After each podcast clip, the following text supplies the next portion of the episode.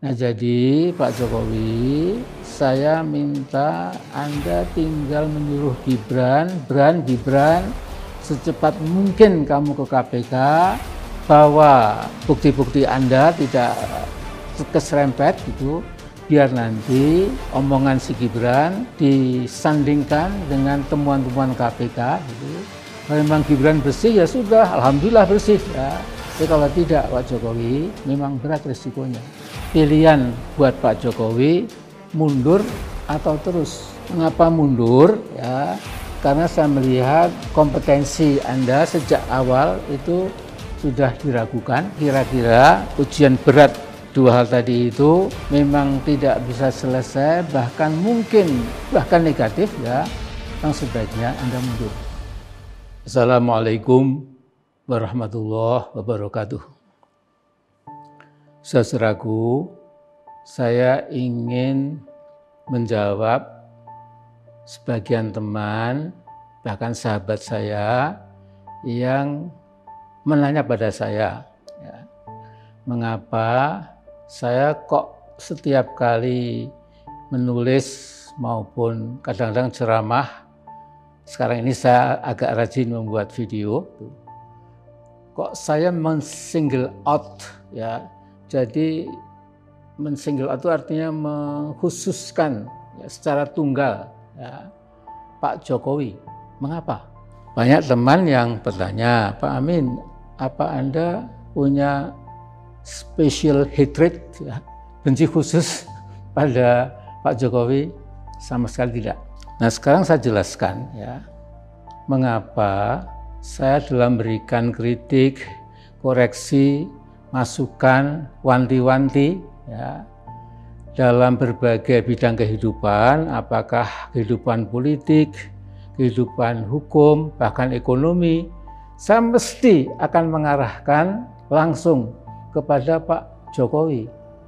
Nah, mengapa? Tolong perhatikan kursus singkat dua menit ini, ya, penting sekali ya, mengenai undang-undang dasar kita sebagai dasarnya undang-undang.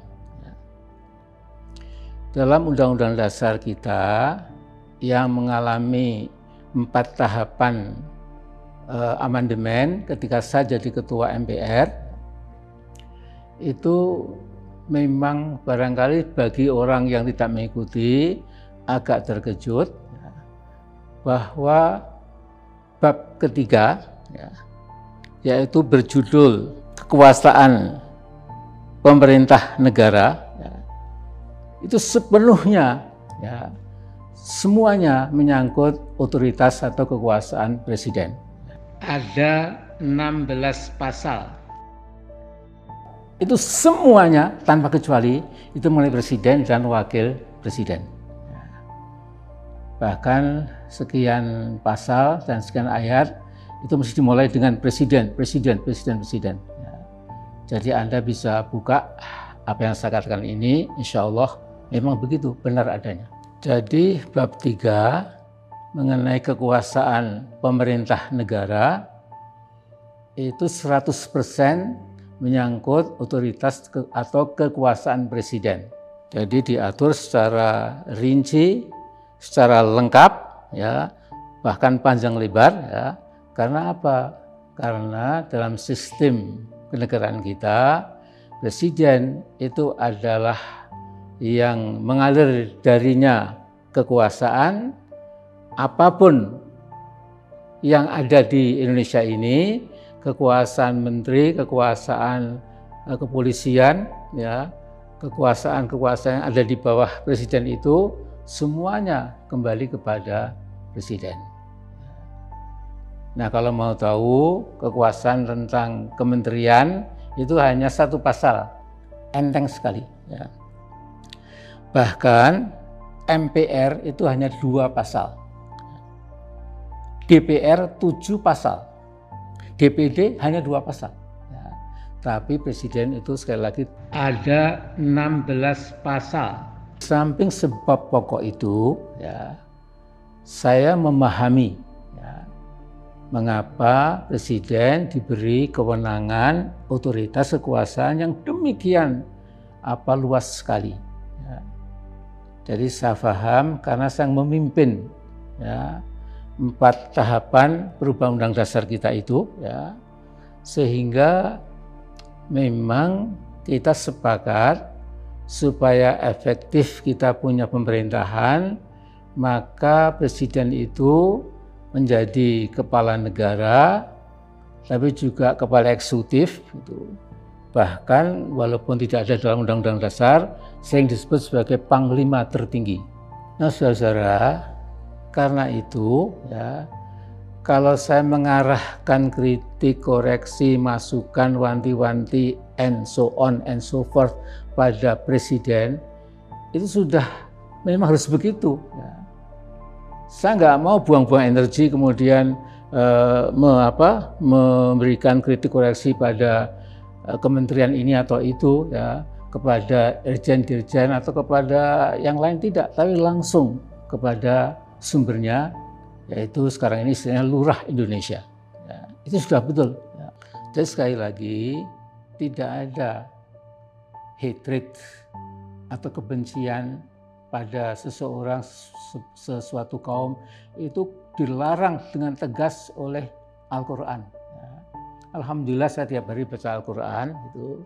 Jadi saya bacakan ya ayatnya itu dalam surat Al-Maidah ayat 8. A'udzubillahi minasyaitonirrajim. Ya ayyuhalladzina amanu kunu qawwamina lillahi syuhada bil qist. Wala yajrimannakum syana'anu qaumin ala alla ta'dilu i'dilu wa aqrabu littaqwa wattaqullah innallaha khabirum bima ta'malun. Ya. Artinya saudaraku, wahai orang-orang beriman, ya, jadilah kalian sebagai penegak keadilan karena Allah. Bukan karena manusia, bukan karena apa-apa, tapi karena Allah. Ya. Nah ini, dan janganlah kebencianmu terhadap suatu kaum mendorong kalian berlaku tidak adil. Ya. Ini masuk akal. Ya kalau kita pura-pura dengan keadilan tapi ternyata benci pada seseorang atau sebuah kaum itu batal ya jadi tidak ada gunanya karena itu berlaku adilah ya dilu berlaku adilah wa innahu aqrabu taqwa sesungguhnya menegakkan keadilan menegakkan keadilan yang tegas ya, yang benar itu sangat dekat dengan takwa kemudian wattaqullah Innallaha khabirum bima ta'malun. Sadaqallahul azim. Ya. Jadi saudara-saudaraku mohon dimengerti ya. Kalau saya mengarahkan apa kritik koreksi ya. Saya bukan asbun. Kalau saya menulis juga bukan astul asal tulis tidak ya. Insya Allah bertanggung jawab ya. Ada didukung fakta, didukung data yang selalu saya apa eh, timbang-timbang dahulu ya. Bobot kebenarannya dan lain-lain gitu. Jadi mungkin dengan kata lain yang saya lakukan itu adalah ya koreksi kepada Presiden Jokowi yang korek secara politik, ya, korek secara konstitusional, ya, dan juga insya Allah korek secara moral. Jadi ini mohon dimengerti. Jadi jangan anda a priori, Allah dari Amin Rais gitu. Dia kan karena benci, mungkin dengki ya. Itu mudah-mudahan kita tidak seperti itu ya. Agama kita mendidik ya. Kalau kita tuh sampai dengki pada seseorang itu kata Nabi kita, dengki itu hasad itu akan membakar amal soleh kita seperti api membakar kayu itu. Nah dalam kesempatan ini Pak Jokowi, ya, saya mengingatkan pada Anda, sesungguhnya Anda punya dua ujian yang mungkin buat Anda sangat berat, mungkin. Ya.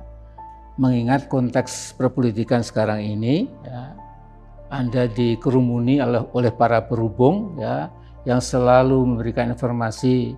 Menurut saya kemungkinan memang tidak benar ya hanya melegakan dan membuat anda bahagia barangkali ya. Nah karena itu ya tugas Anda atau ujian Anda yang sangat berat bagi Anda ya, itu adalah bagaimana memberikan pengadilan atau keadilan ya, yang betul-betul tidak melukai dan menyakiti rasa keadilan rakyat, ya, termasuk umat Islam, ya, yaitu nanti tatkala kejahatan HAM yang sangat besar itu atas lenyapnya enam nyawa anak-anak muda kita sudah tahu semuanya ini memang harus Anda pecahkan tuntas karena ini sudah menjadi pengetahuan masyarakat nasional bangsa kita dan juga tidak saya lebihkan kalau telah menjadi pengetahuan masyarakat internasional. Jadi you know what to do. Ya. Saya kira sudah lusinan tokoh-tokoh bangsa ya dari berbagai angle yang kira-kira kalau disimpulkan Pak Jokowi you know what to do.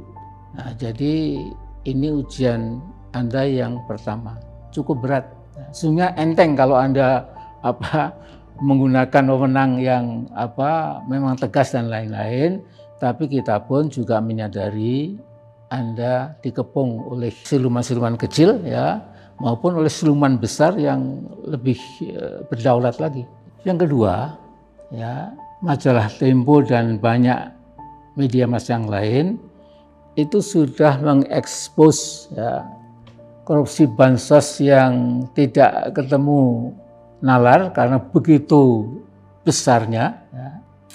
Kemudian ini betul-betul juga ya menyakitilah rasa keadilan rakyat bagaimana triliunan bansos ya, itu dijadikan apa katanya katakanlah mungkin bancakan atau berpesta pora itu yang ini juga harus anda selesaikan apalagi ya Gibran anak sulung anda itu itu jelas terserempet terseret bisa dibantah ya, tapi saya kira wartawan-wartawan Tempo dan lain-lain itu tidak apa tidak gampang ya. Mereka sudah teruji, sudah apa profesional gitu ya. Nah jadi Pak Jokowi, saya minta Anda tinggal menyuruh Gibran, Bran, Gibran, secepat mungkin kamu ke KPK, bawa bukti-bukti Anda tidak keserempet gitu, biar nanti ya, omongan si Gibran disandingkan dengan temuan-temuan KPK gitu. Kalau memang Gibran bersih ya sudah, alhamdulillah bersih ya. Tapi kalau tidak Pak Jokowi memang berat resikonya. Ya, saya menggunakan hak konstitusional saya, hak demokrasi saya ya. Memang saya sudah menulis sebuah risalah ya, mula-mula saya namakan risalah enteng-entengan. Ya. Tapi teman-teman, Pak Amin ini bukan enteng, jadi dijadikan risalah kebangsaan. Di situ saya mengajukan dua alternatif Pak Jokowi. Ya. Saya tulis bulan September sudah empat bulan yang lalu, ya. yaitu bertema pilihan buat Pak Jokowi mundur atau terus. Ya. Mengapa mundur? Ya, karena saya melihat kompetensi Anda sejak awal itu sudah diragukan, ya. tapi Anda menang lagi tidak apa-apa. Ya.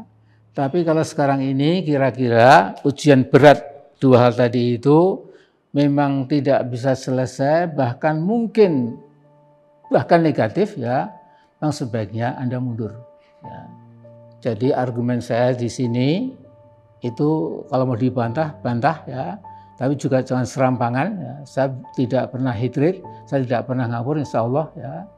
Atau kalau mau terus, ahlan wasahlan, Pak Jokowi. Ya. Tetapi tentu di sini sudah ada resepnya. Anda putar balik ya, arah yang selama ini yang memang hampir kebanyakan political decision Anda itu menurut saya itu lebih menguntungkan uh, orang-orang tertentu ya. bahkan mungkin kedaulatan kita ini hanya tinggal nama. Ya. Kedaulatan ekonomi sepertinya bukan kita menentukan, kedaulatan eh, sumber daya alam kita, ya, keuangan kita, perbankan kita, dan lain-lain. Ya. Nah, jadi saya menutup masukan saya ini ya secara lugas ya. Jadi either or ya. Jadi ini atau itu. Monggo panjenengan Mas Jokowi punya kemampuan untuk mencerna dan sekali lagi sekali lagi ya insya Allah you know what to do ya jadi itu saja dan kita doakan mudah-mudahan COVID-19 insya Allah lebih cepat pergi dari negeri kita ini supaya kita bisa melakukan pekerjaan-pekerjaan kita secara lebih normal. Dan saya sampaikan yang liburan panjang jangan suka kerumunan hindari jauh-jauh ya. Karena ini kita belum selesai menghadapi masalah berat ini. Yang khusus Pak Jokowi saya mohon maaf ya Pak Jokowi kalau saya terasa lugas belak-belakan straightforward langsung memang itulah saya. Ya. Assalamualaikum warahmatullahi wabarakatuh. Allahu Akbar merdeka